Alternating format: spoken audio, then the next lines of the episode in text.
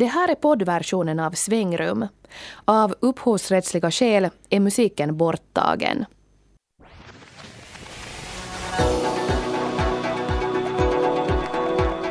Måste man resa bort för att hitta sig själv? Svängrum handlar idag om att resa bort, men framförallt om att resa in i nya mentala landskap.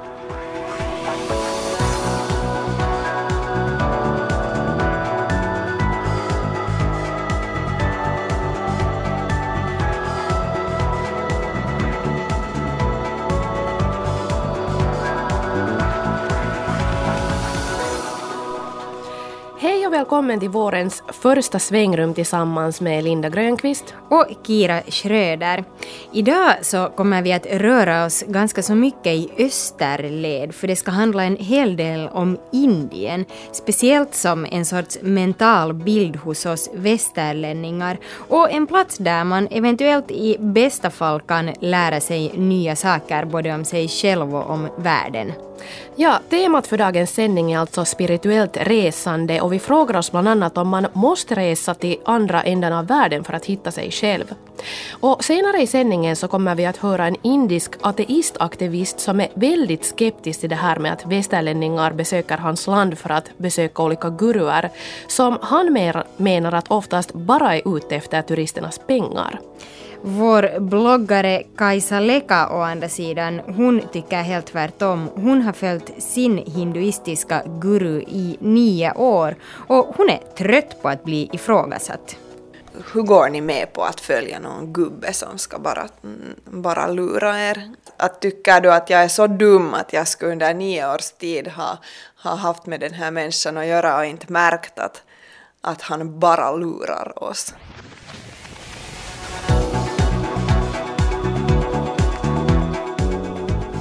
I dagens svängrum ska vi alltså diskutera andligt resande och spirituell turism. Och det råkar sig alltså faktiskt så att en av våra bloggare, Kajsa Leka, här under vintern har besökt och bott en kortare tid i ett hindukloster i Costa Rica. Och vi ska börja den här sändningen med att höra hennes erfarenheter därifrån. I hinduklostret Maduvani, Costa Rica börjar dagen tidigt varje morgon klockan fem. Efter ungefär en timmes sång, meditation och läsning tar det dagliga arbetet i klostret vid. Någon mjölkar korna, en annan lagar mat och en tredje arbetar i trädgården. Men vår bloggare Kajsa Leka brukar ofta först försöka hinna med en liten tupplur. Jag brukar själv tycka om att sova lite efter det där morgonprogrammet för att man har en sån här skön känsla av att vara en bra människa när man har vaknat tidigt och varit på programmet och så sover man så, så skönt efter det. no, för någon som aldrig har um, sett ett hindukloster eller framförallt inte varit i Maduvan, hur skulle du beskriva det? Det som kanske är speciellt med Maduvan är att om man tänker på kloster så tänker man ju på ett jättestort hus och sen sådana stora salar var alla sover bredvid varandra och att det är helt enormt med hundra människor som, som bor där. Men ja, det som är, är speciellt med Maduvan är att, att där har alla sina egna små hus, eller stugor kanske närmare, som de ibland delar med en annan person men, men man behöver inte hela tiden vara tillsammans med en massa andra människor. Eh, sen finns där ett, ett hus som fungerar som kök och tempel var man äter tillsammans och har sådana äh, eh, tempelprogram. Och sen har de kor och hästar och två hundar och de odlar största delen av sin mat själv. Eh, så de har växthus också och sen ett par extra stugor för gäster. Och vi fick låna en sån här med min man. Det här är inte första gången som Kajsa Leka besöker ett kloster. I Maduvan har hon varit redan två gånger tidigare och före det i ett annat kloster i norra Kalifornien. Det är Kajsa Lekas guru Swami Tripurari som upprätthåller klostren och den här gången befinner han sig faktiskt på klostret samtidigt som Kajsa Leka och hennes man. Men vad är det som lockar en serietecknande politiker från Borgo att resa till andra sidan världen och leva i kloster, helt avskärmad från resten av världen? Jag har hemskt svårt på något sätt här hemma att, att låta bli att fundera på, på alla saker som måste skötas, alla jobbgrejer och, och politik. Och det, det finns bara så mycket hela tiden som, som tar min uppmärksamhet. Också sånt förstås som jag själv har valt att, att ha i mitt liv. Att, att det är ju inte omgivningens fel att jag har gått med i politiken till exempel, men när jag en gång har gjort det så, så tar det mycket av min energi och, och då, då när jag lite reser bort från vardagliga så, så känns det så, så skönt på något sätt att, att slippa det där, det där ständiga dåliga samvete för att man inte har tid.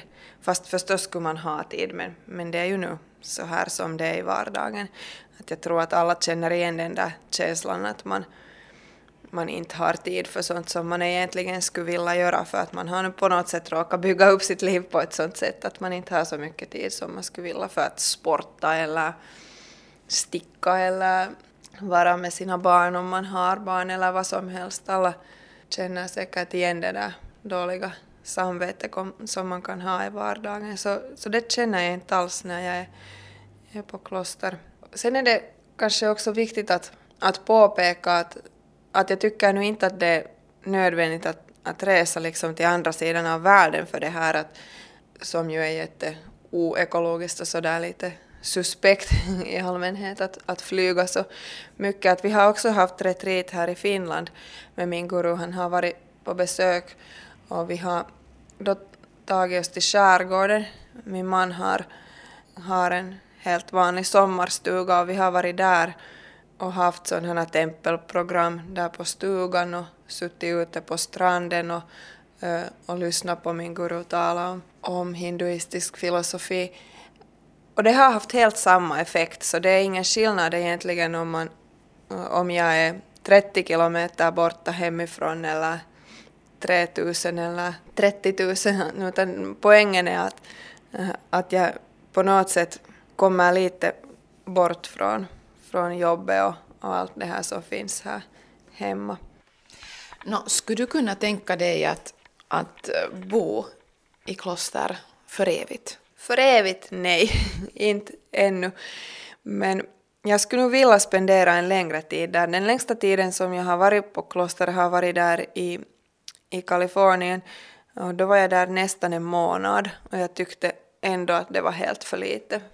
Under en månad kommer man bra på det sättet in i det där systemet, att man vet vad, vad som ska göras. Man har sina egna uppgifter som man sköter. Sen kan man förstås tänka sig att, att det är fint att det är på det här sättet, att jag har så trevliga minnen därifrån att jag alltid längtar dit. Att risken finns ju, som jag har sett bland vänner som har försökt bo på kloster, att man försöker för mycket. Att man ger upp sånt som man inte ännu är färdig att ge upp i sitt vanliga liv. Och sen är man där liksom och med gråt och tandagnisslan försöker vara så jätteandlig och, och jag är inte alls intresserad av det vanliga livet. Och, och, och sen till sist förstås så, så orkar man bara inte mera och så lämnar man klostret för att aldrig mera återkomma. Så, så det är någonting som jag definitivt vill undvika. Men jag har kanske inte ännu helt hittat den där balansen mellan, mellan de här två världarna. Att jag, det känns så att jag skulle vilja ha en större, att jag skulle vilja att en större del av mitt liv skulle, skulle vara där i den där världen för att jag ändå trivs där så bra. Tills vidare är att bo på kloster alltså inte någon permanent lösning för Kajsa Leka. Och hon trivs också bra med sitt liv hemma i Finland. Men ändå är det alltid svårt att komma tillbaka till vardagen efter en längre retreat. Det känns alltid jättekonstigt när man kommer tillbaka att de första dagarna speciellt så, så man är på något sätt så inne i den där världen och, och de där ämnena som man har diskuterat där att, att det känns jättesvårt att, att till exempel ta itu med, med jobb eller att börja läsa någon föredragningslista. Det känns så poänglöst på något sätt när, när man har haft liksom diskussioner om filosofi och om själen och om livet och sådana här stora teman så, så sen att, att börja teckna en serie om kommunalpolitik känns verkligen löjligt. Men efter några dagar så, så har det alltid gått på det sättet att jag har igen blivit intresserad av, av allt som jag normalt är intresserad av, att jag på något sätt förvandlas tillbaka till mitt vardagsjag. Fast jag talar nu så här om att det är svårt att komma tillbaka men ändå, ändå känns det alltid så att, mm, så att det har lönat sig att, att vara där för att man får så mycket energi av det. Ja, där hörde vi svängrumsbloggare Kajsa Leka som ju sa att man får väldigt mycket när man, eller när hon då till exempel är i det här sin gurus ashram. Men, men jag antar att, att man också kan tänka så att man får väldigt mycket när man reser i allmänhet. Och, och det håller jag själv definitivt med om. Man, man får ju ofta mycket nya intryck och, och börjar fundera på allt möjligt, kanske på ett annat sätt än vad man gör hemma. Men å andra sidan är jag också kanske lite skeptisk till det här med att, med att man, man tänker att, att om man verkligen ska bli en annan människa, om man ska förändra saker i sitt liv och om man ska få nya insikter, så då måste man resa till, till andra sidan av världen och göra någonting väldigt exotiskt och omvälvande och så här. Ja, mm. nu, nu kan man ju göra det hemma också egentligen och, och man kan ju också resa så att man inte får några in, nya insikter alls. Precis som man bara reser till exempel blint till något charterturistmål och bara ligger vid poolen. Mm. Men äh, jag tycker sådär själv efter att ha träffat Kajsa Leka att jag ändå lite har ändrat inställning för jag har tidigare varit väldigt skeptisk till det här att man helt ska avskärma sig från världen och på något sätt leva så här i ett kloster bort, borta från precis allting. Jag tror i och för sig att det kanske har mest att göra med att jag på något sätt tycker att det är en lite obehaglig tanke att inte alls vara i kontakt med omvärlden och inte inte vet du kunna gå på internet och, och veta vad alla sysslar med hela tiden. Mm.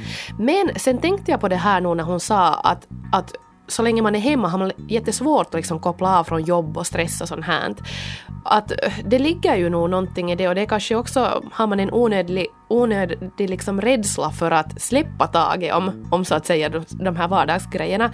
Att det kan ju hända att det är just, tänker jag, i det här liksom dagens hektiska samhälle som det skulle vara extra viktigt att man på något sätt lär sig och vågar släppa taget om det och ett par veckor bara koncentrera sig på vad det nu sen är man vill koncentrera sig på, men i alla fall liksom.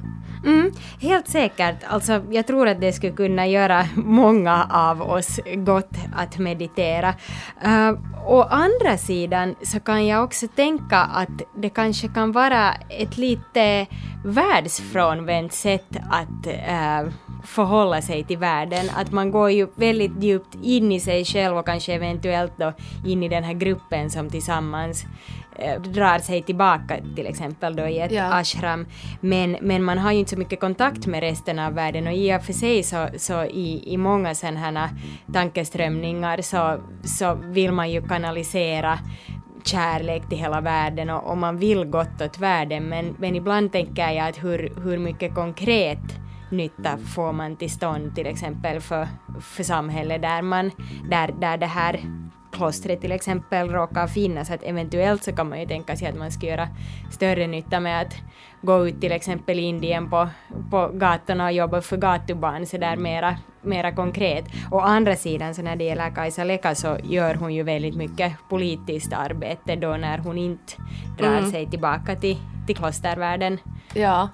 Sen tycker jag att det här nästan lite är ett modefenomen. Nå, kanske nu inte så här att alla rusar till kloster utomlands, men, men ändå lite. Och jag tycker att det hänger ihop lite med den här yogatrenden och allt sånt här som har funnits redan i flera år. Och att det på något sätt har blivit så att det är liksom allmänt accepterat och inte bara accepterat utan så här på något sätt en allmän sanning att yoga till exempel är jättebra och alla ska tycka om yoga, alla ska tycka att det är fantastiskt.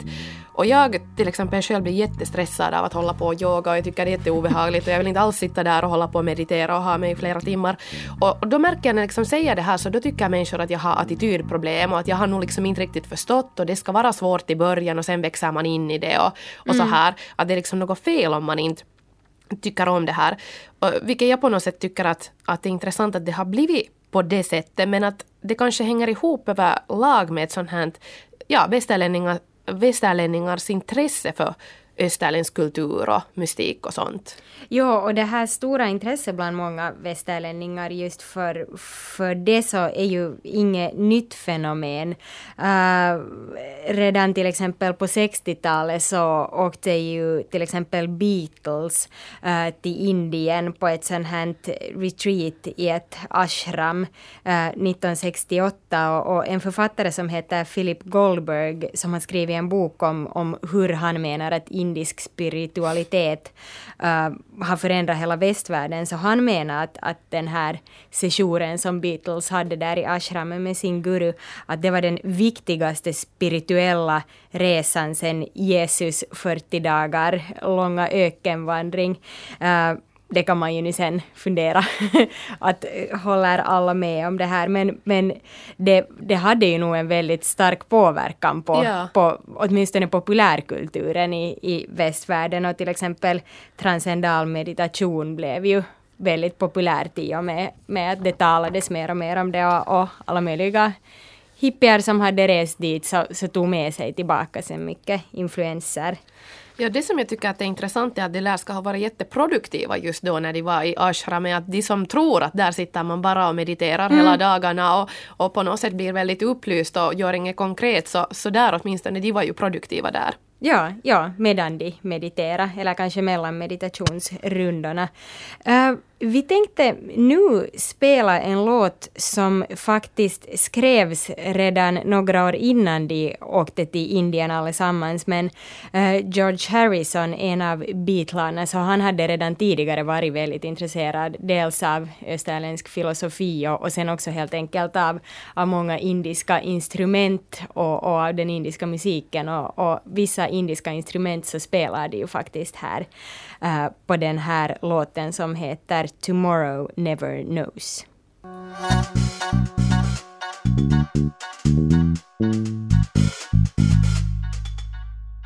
Du lyssnar på Svängrum där vi idag talar om spirituellt resande. Och vi ska nu tala med en indier som är rätt så skeptisk till västerlänningars spirituella resande till hans hemland.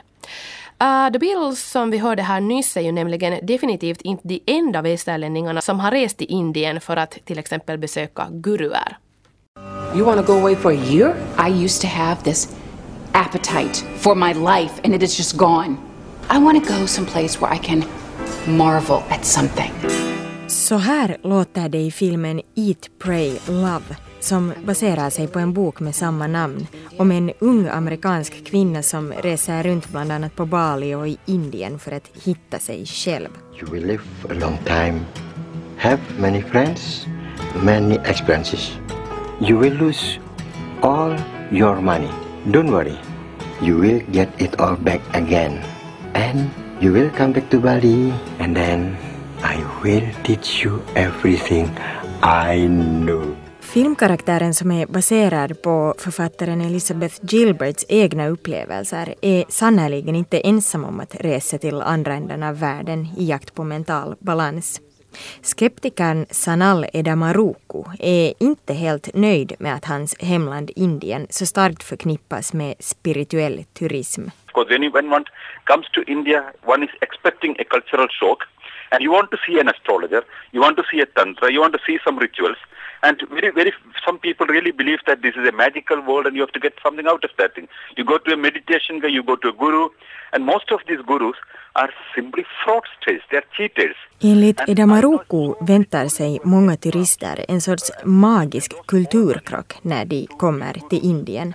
Man vill kanske utöva meditation eller besöka en astrolog eller tantrisk yogi. Men de flesta självutnämnda guruer är lurendrejare, menar Eda Maruku. Jag vet många turister som har förlorat en massa pengar till astrologer och tantraguruer som ser européerna som enkla offer med mycket pengar, säger han. Astrologers and tantrics normally consider Europeans as easy victims who have money to pay. Ända sedan 1960-talets hippies har många rest till Indien av spirituella orsaker. Sanal Edamaruku gillar inte att det moderna Indien förknippas så starkt med magi, guruer och flygande mattor. That's an impression many of these uh, traveling gurus have given about India. And perhaps in 1960s, when the hippies came to India and the Hare Krishna movement and of gave a public impact on the Western mind about India, uh, somehow uh, it came to many people's mind that this is a country of superstition and blind belief, and the gurus and flying uh, carpets and all everywhere. But in India, there is a big change happening now. The change has started happening quite some years back, and now the acceleration has gone up very much. In India, the religion För tillfället är bara cirka 6 procent av indierna ateister. Men i och för sig blir det ju sammanlagt över 80 miljoner. Och enligt Sanal Edamaruku blir det stadigt fler. Han vill understryka bilden av Indien som ett progressivt land och berättar att humanism och vetenskapligt tänkande till och med finns inskrivna i den indiska grundlagen. Samtidigt står landet med ena benet djupt rotat i mytologi och olika religiösa traditioner. Något som Edamaruku menar att måste förändras. Själv ägnar Sanal Edamaruku all sin tid åt att bekämpa tron på övernaturligheter och svart magi. Han är ordförande för en internationell organisation för rationellt tänkande och Indiens ärkeateist nummer ett. Han har blivit känd bland miljontals indier, bland annat för att ha konfronterat välkända lurendrejarguruer som utövar svart magi på direktsänd TV. What I try to do is to expose the fake gurus and the fraudsters who are trying to work on the gullibility of the common man and using religion, faith, mythology and other traditional beliefs as a tool to exploit people. And this is a very big uh, business in India, which I would say is unethical, illegal, and has to come to an end. And we try all our best. Jag försöker avslöja falska guruer och lurendrejare som utnyttjar godtrogna människor med hjälp av religion och mytologi. Det här är en stor business i Indien och det måste få ett slut, säger Sanal Edamaruku. ओम याकुंदेन्दु चारहार धवलाया शुभ्रस्ताव दया वीणावर्धन मंडित I det här klippet som man kan hitta på Youtube utmanar Eda Maruku en av Indiens mest kända tantriska guruer i ett direktsänt TV-program. Gurun hade påstått att han kan döda en människa med hjälp av svart magi och tankens makt och Edumaruku ville bevisa att det inte var möjligt.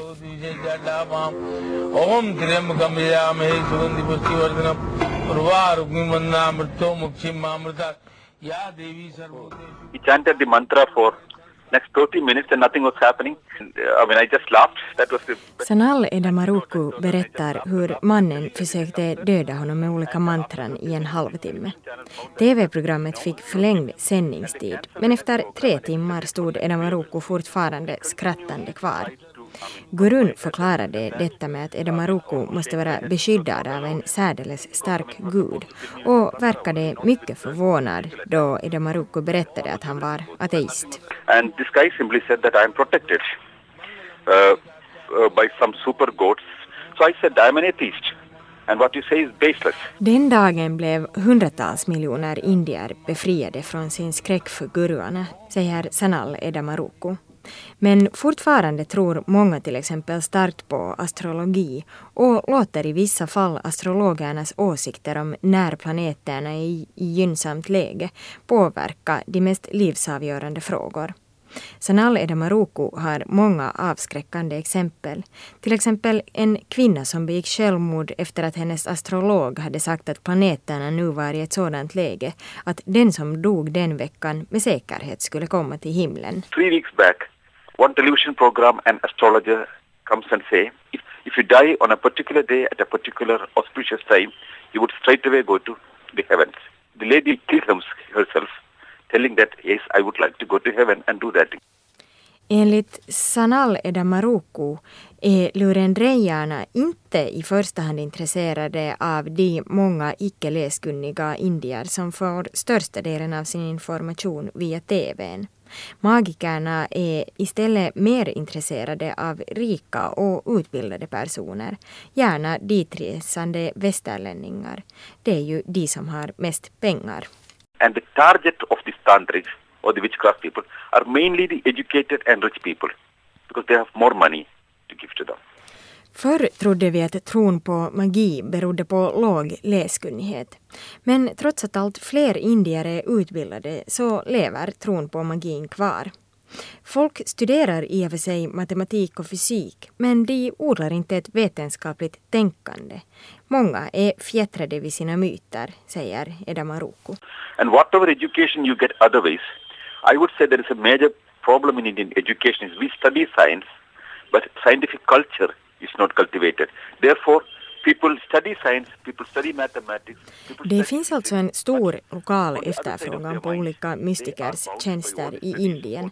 Men som vi har hört så riktar många mystiker med orent mjöl i påsen hellre in sig på västerlänningar. Sanal Edamaruku hoppas att färre turister skulle lockas av olika lurendrejares magiska ritualer. Han välkomnar västerlänningar till Indien men hoppas att de istället för att intressera sig för den svarta magins Indien istället skulle upptäcka landets kultur, arkitektur, dans och musik. Den mannen vi hörde tala här mest det var den indiska skeptikern och ateisten Sanal Edamaruku som vi fick kontakt med över en lite skral telefonlinje från Delhi i Indien. Och för mig var det faktiskt lite nytt det här som han talade om att det finns en så stark tro där på svart magi. Annars tycker jag att man ofta associerar äh, olika asiatiska äh, spirituella rörelser kanske snarare med, med någon form av universell kärlek och, och, och den formens tankar. Men att de här eh, lurendrejarna som, som han bekämpa så de verkar ju rikta in sig hemskt mycket mera på ganska hemsk och obehaglig sån här skrämselpropaganda. Ja, det kändes ju, eller det var för mig också någonting helt nytt. Sen tänkte jag på det här när, när han sa att eh, man tycker liksom att eh, europeiska turister är enkla offer, att som turist eh, så kan det ju nog kanske vara extra svårt att att uh, veta om det så att säga rör sig om en riktig guru eller en fake guru. Jag tänker bara så överlag när man är turist och inte hemma och systemen är lite annorlunda så sånt som är enkelt och, och göra hemma är mitt i allt mycket svårare i ett annat land. Så då kan jag tänka mig just att man faktiskt blir extra utsatt och, och har hemskt svårt att veta att vilken guru är nu sen en riktig och vilken är, är nu sen bara en lurendrejare. Jo, helt säkert och speciellt som det ju säkert finns många sådana här andliga ledare eller vad man ska kalla det som har helt vettigt budskap och just till exempel meditation och, och sånt Ja. kan, kan ju vara bra på många sätt. Men sen det här som han också äh, talar mycket om var ju astrologerna och det tycker jag nog att åtminstone för mig låter som humbug oberoende av var i världen man ägnar sig åt det. Uh, sen tänker jag så här att beroende på vilken inställning man har från början, det vill säga om man är väldigt skeptisk överlag så är väl alla guruer mer eller mindre fake om man överhuvudtaget liksom inte tror på något sånt här överhuvudtaget. Men då är det ju ändå en ganska stor skillnad på sådana som medvetet vill lura människor på pengar till exempel och, och sen på sådana som ändå har ett helt ärligt uppsåt, det vill säga att de själva tror och vill göra gott och inte, inte i första hand är ute efter att luras. Definitivt och som inte rekommenderar folk att göra sådana direkt Precis. skadliga handlingar. Och, och jag tror ju nog att den guru som Kajsa Leka äh, besöker så, så är en, en av en helt annan kaliber än de människorna som, som vi hörde om här i, i det förra reportaget. Ja, men äh, när jag träffade Kajsa Leka så frågade jag henne ändå hur hon ställer sig till all den här kritiken som riktas både mot guruer men överhuvudtaget mot det här att resa till, till olika andliga resmål. Jag kan väl tänka mig att, att indierna tycker att, att västerlänningar eh, som, som kommer dit för att hitta sig själv kan vara lite löjliga. Sen å andra sidan vet jag också att det finns indier som uppskattar det att, att någon västerlänning är intresserad av deras kultur och, och religion. Ja, så jag, jag kan nog se, förstå på ett sätt det där att, att det låter löjligt att man måste resa bort och, och förstås tänker man då lätt att ja, ja, att nu ska hon resa till några exotiska länder med härlig mat och färggranna kläder och leka lite hindu. Men det har nu varit bara, bara varit min erfarenhet att, att det är jättenyttigt att, att ibland ta sig lite bort från, från det vardagliga livet. Ehm, jag tycker man skulle kunna jämföra det med andra saker som man tränar. Om man vill bli bra på fotboll så kanske far man på fotbollsläger på sommaren. Fast man lika bra kan ju spela fotboll hemma också, men ändå om man vill bli jättebra på det så är det ju nyttigt och lönsamt att fara på fotbollsläger och bara koncentrera sig på fotboll och bara vara omringad av människor som intresserar sig för fotboll. Så på samma sätt om man, om man vill koncentrera sig på det andliga så lönar det sig ibland att, att verkligen ta den där tiden och åka till ett ställe var man kan vara tillsammans med människor som, som har samma intresse i livet. Att människor är lite rädda för andlighet och därför ställer sig så kritiska till sån här, just att ha, ha en andlig lärare och få till retreat. Men egentligen gör ju nästan alla samma sak när det gäller deras hobby. Att man, man har, har ju också en fotbollscoach fast man lika bra skulle kunna spela fotboll ensam hemma. Men det är ju ändå inte riktigt så. Utan när man, när man väljer att vara tillsammans med människor som har samma intresse i livet som, som man själv har så, så blir det lättare helt enkelt att, att träna det där. Om det nu sen är fotboll eller hinduism som man tränar. När du berättar om, om att du har bott i kloster, hur brukar människor reagera och är människor nå, någonsin negativt inställda? Jag tror att det där att bo på kloster har, det har människor mest varit nyfikna om. Att hur är det där och vad får man göra där och vad får man inte göra sånt här. Men det som människorna är definitivt negativt inställda är, är det att man har en guru. Och det är ju helt naturligt också när man har fått läsa så mycket om, om alla möjliga andliga ledare som har sen lurat sina, eh, sina elever på pengar eller, eller ännu värre. Så att jag förstår nog liksom det att, att människor är misstänksamma men sen samtidigt så, så tycker jag att, att, man, att det finns en gräns också till det där att, att alltid misstänka och ifrågasätta. Att i något skede så kan man väl också sen medge att, att någon är helt äkta i sin andlighet. Att vi blev sådär officiellt vår gurus elever i 2003 så vi har nu varit i kontakt med honom så här regelbundet under nio års tid så jag skulle nu våga säga att, att efter nio år eh, så känner vi nog honom väldigt bra.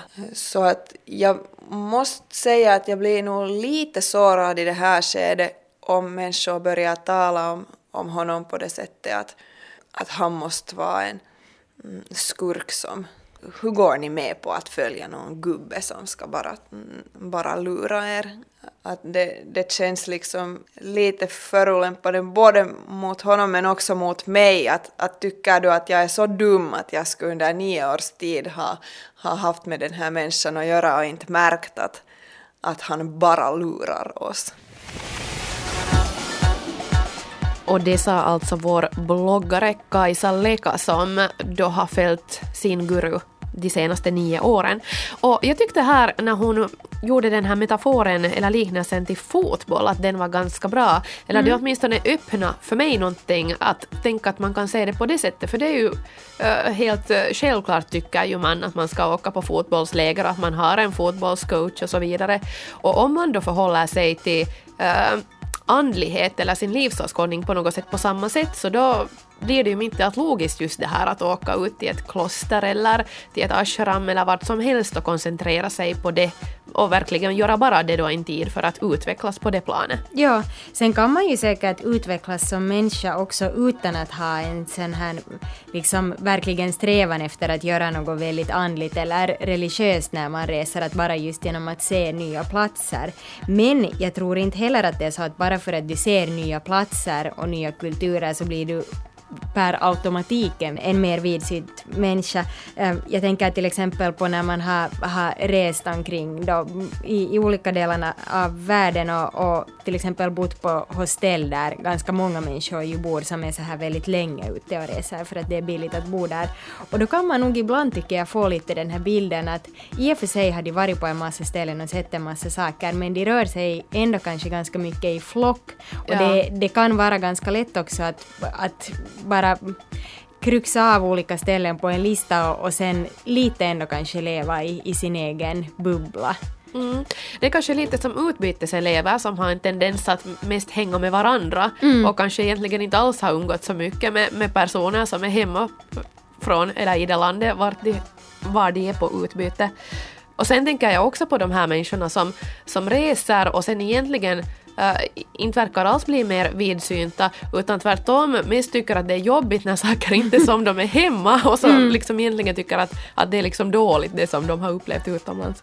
Yeah. No, ja, men I alla fall så, så sa Kajsa Leka också en annan intressant sak till mig när vi diskuterade där efter intervjun och, och det handlar om det här att hon, hon sa så här att livsåskådning, vilken livsåskådning man har eller vilken religion man har, att hon tycker att det är dumt att det på något sätt ska vara någonting som är avhängigt geografiskt, det vill säga liksom beroende på var man bor. Eller var man råkar vara född. Ja, precis. Mm. Och hon mm. var så här, det är en inställning som hon ofta möter på att man tycker att du som är finländare, att varför är du, var, varför håller du på med hinduism? Att mm. det har vi ju aldrig gjort i Finland och hon tycker att det är ju liksom dumt att varför skulle det vara bundet till var man är född och var man bor och så här. Och, och mot den bakgrunden tycker hon också att om man då bor i Finland och sen är hindu så är det kanske logiskt att man vill också resa på något sätt till den kulturens rötter och så att säga förkovra sig i den och att man har all rätt att göra den fast det nu inte är någonting som har funnits i Finland sådär jättestarkt jättelänge. Mm. Jo, och nu är det väl bra för de flesta oftast att resa men bara man gör det kanske dels med öppet sinne men sen också kanske lite kritiskt förhåller sig till, till vad man ser också. Uh, nu ska vi fortsätta med ännu lite mer indisk-influerad brittisk musik. Och efter den här låten så ska vi få besök här i studion av en ung man som precis har kommit hem från en tydligen rätt så omtumlande resa till Indien, eh, där han besökte Moder Ammas ashram. Ni vet Moder Amma, hon den här kvinnan som reser runt i världen och kramar folk. Men bandet vi ska lyssna till nu är alltså Kula Shaker, ett brittiskt psykedeliskt rockband från 1990-talet vars namn anspelar på den indiska härskaren Kula Sekara som levde på 800-talet. Och låten vi ska lyssna på nu, Kira, hur säger man den? Nå, no, jag vet, jag är inte så bra på sanskrit, men tatva? Ja, no tatva, den innehåller faktiskt en del lyrik som är skriven på hinduernas heliga språk sanskrit.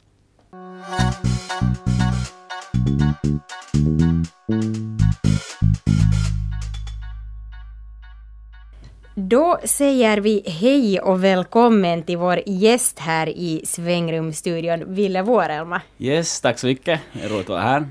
Ja, i dagens sändning så har vi ju talat om spirituell turism och andligt resande. Och du ville ha, inte för så hemskt länge sedan, kommit hem från en resa till Indien där du bland annat besökte och kramade om också eh, Moder Amma. Kan du berätta varför ville du göra den här resan? Jag, alltså, jag har alltid velat vara till Indien och jag var till Kina för, för tre år sedan och sen är liksom Indien den här andra framtida stormakten som är sådär jätteintressant just nu. Och, men jag har alltid funderat, jo, att jag är på väg nog dit, men sen nu på i oktober, alltså förra året, så var moder Amma i, i Finland och hon då liksom, hon reser runt världen och, och kramar folk. Och jag tyckte att det lät som en jättebra grej bara, som sådär, nu måste jag ju testa på det här. Och, och så får jag dit ut till Vanda till uh, energiarena. Och, och liksom den här stämningen där var, var jätte, jättefin och det var, liksom, det var det första som när man kom in liksom så doftade lite så här indiskt, lite sådär hippie vet du, med massor med sådana här doftstickor och, och sånt hänt och sen var det just någon som sjöng lite så här bhajans, sådana här heliga låtar och just så här, så här typiskt så här indiskt som man tänker sig sådär oj det. Och, och det där. Men sen, men sen just så, man köade där i tre timmar. För det första för att få en kram som tog liksom 15 sekunder. Och, och man fick ju en sån här kölapp såklart. Man liksom, det, det var Finland så det var liksom bra ordnat allt. och, och det där, uh, så satt jag där och läste liksom till min tenta. och, bara kände in den stämningen och den var, den var jätteskön. Och sen, sen efter tre timmar så fick jag en kram och, och det där, det var liksom bara den där, jag vet, den var så laddad den där stämningen och det var så, det var så skönt att få en kram av Amma. Så tänkte jag att okej, okay, men att nu har jag ju liksom jullov från, från skolan en månad. Så att nu har jag liksom chans att fara. Så nu får jag hälsa på Amma dit, hem till henne. Nå, sen när du äh, får hälsa på henne dit till Indien, var det samma upplevelse att krama henne i Indien som att krama henne i Finland?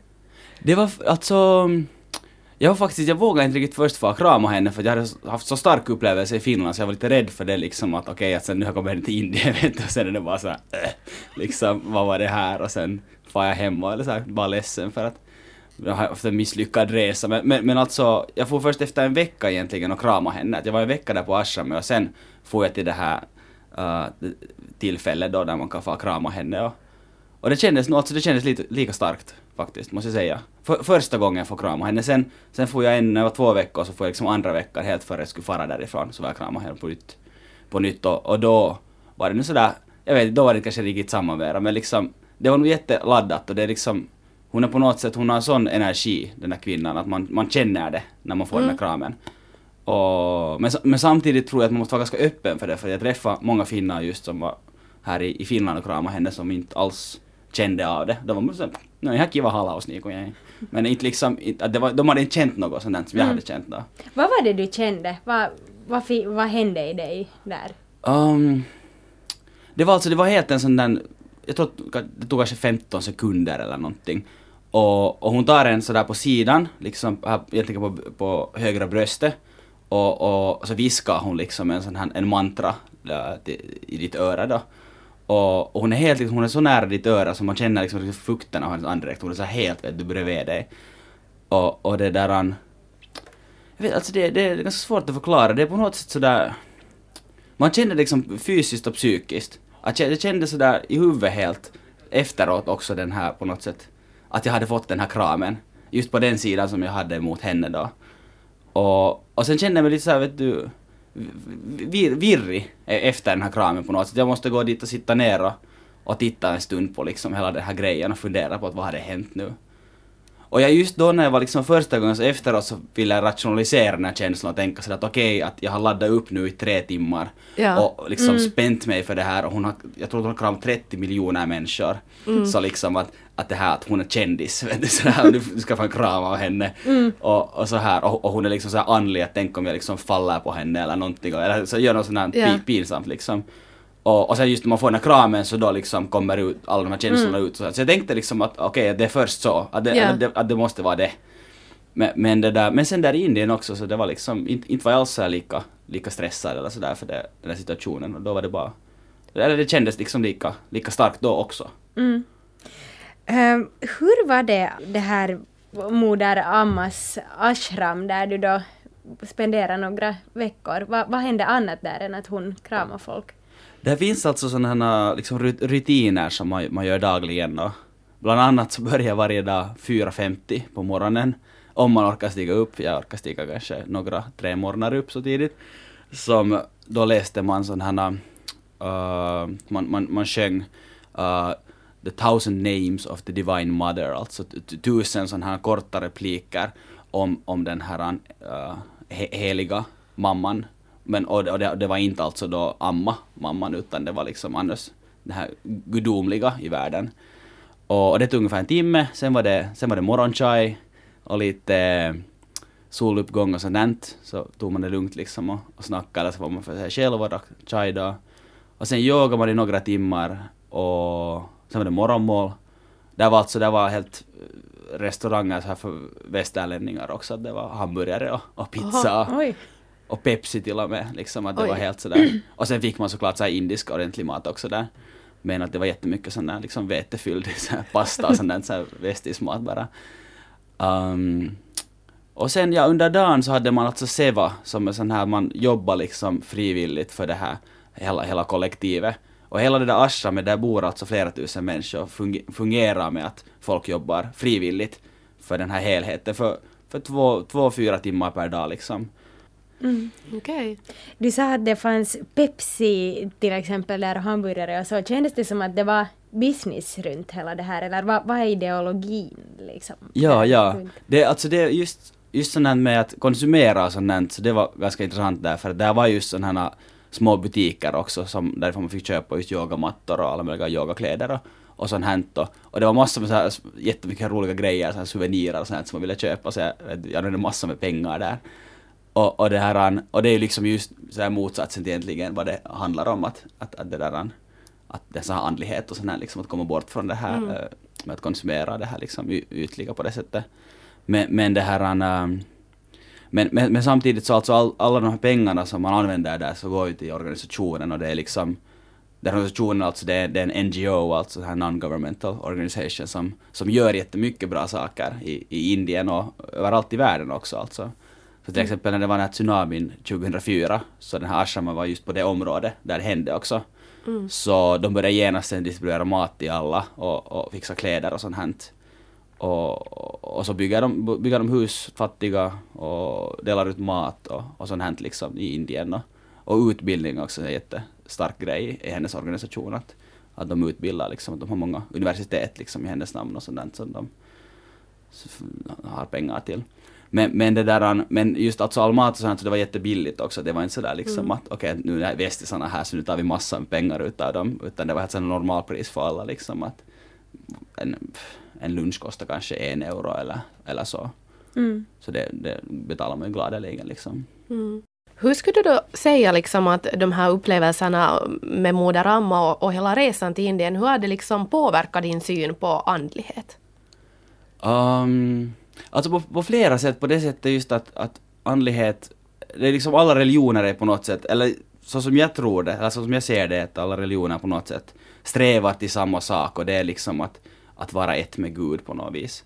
Och, och just alltså de här indiska religionerna, hinduism och alla de här mindre religionerna där och annars också österländska religioner är, är kanske mer sådär på något sätt sexiga för, för västerlänningar för att de är liksom de, man kan meditera, man kan yoga och sånt som är jätte sådär pop nu vet du. Och, och det är helt sådär liksom praktiska grejer som man kan göra för att liksom lära sig att fokusera och på något sätt vara liksom bekväm i sig själv. Och, och på något vis på det sättet liksom närma sig då den guden som, som de talar om. Och, och samtidigt så liksom i västerländsk religion så har vi inte kanske, man kan, liksom, man kan be och man kan sjunga psalmer och, och sånt här. Men, men det är inte liksom, det är inte lika intressant kanske. Att det är mer sådär, ja, ja, att det är liksom, det, det är enklare på något sätt att närma sig de här religionerna, tror jag, för, för många, många människor. Stämmer det att du tidigare inte har varit så hemskt eh, intresserad av religioner överlag, eller vad har du haft för, Ja. för förhållande tidigare? Jag, jag har alltid varit alltså intresserad av religioner på det sättet liksom att det, att det har varit så stark kraft som har styrt världen längre också. Och, och just alla de här religionskonflikterna och sånt så jag tycker att det, det skulle bara vara liksom naivt att inte tycka att det är jätteviktigt med religioner och så här i hela världen.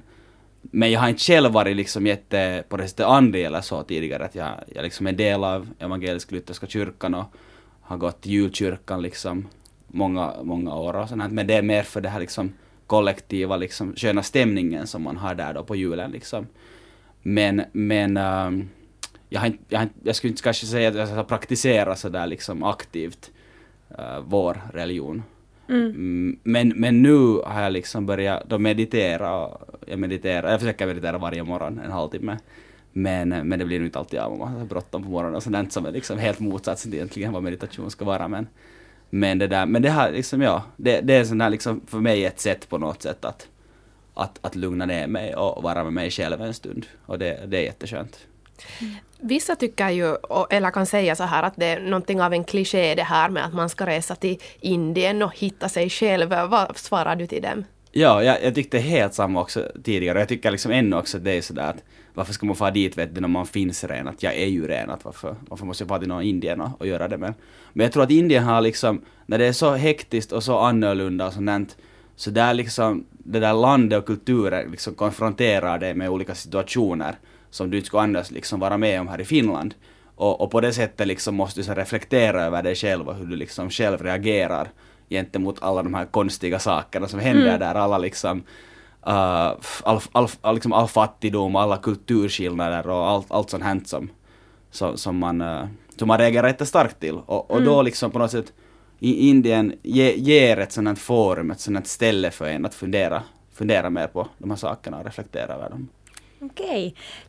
Tack så hemskt mycket Ville Vuorelma för att du kom hit och, och berättade om dina veckor i Indien på Mudaramas ashram. Ja, tack så mycket.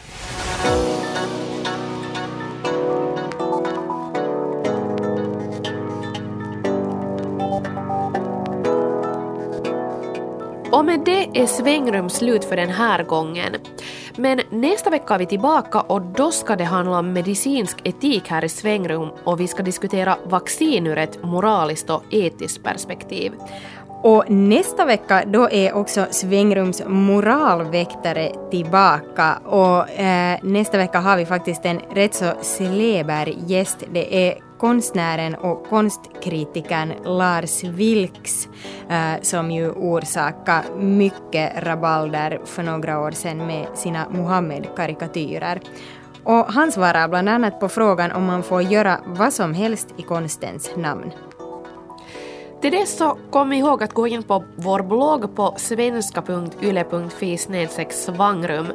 Uh, vill ni skicka mejl, synpunkter på programmet eller idéer vad vi ska ta upp, då kan ni mejla oss på adressen svangrum.yle.fi. Vi hörs igen nästa vecka. Hej då! Hej hej!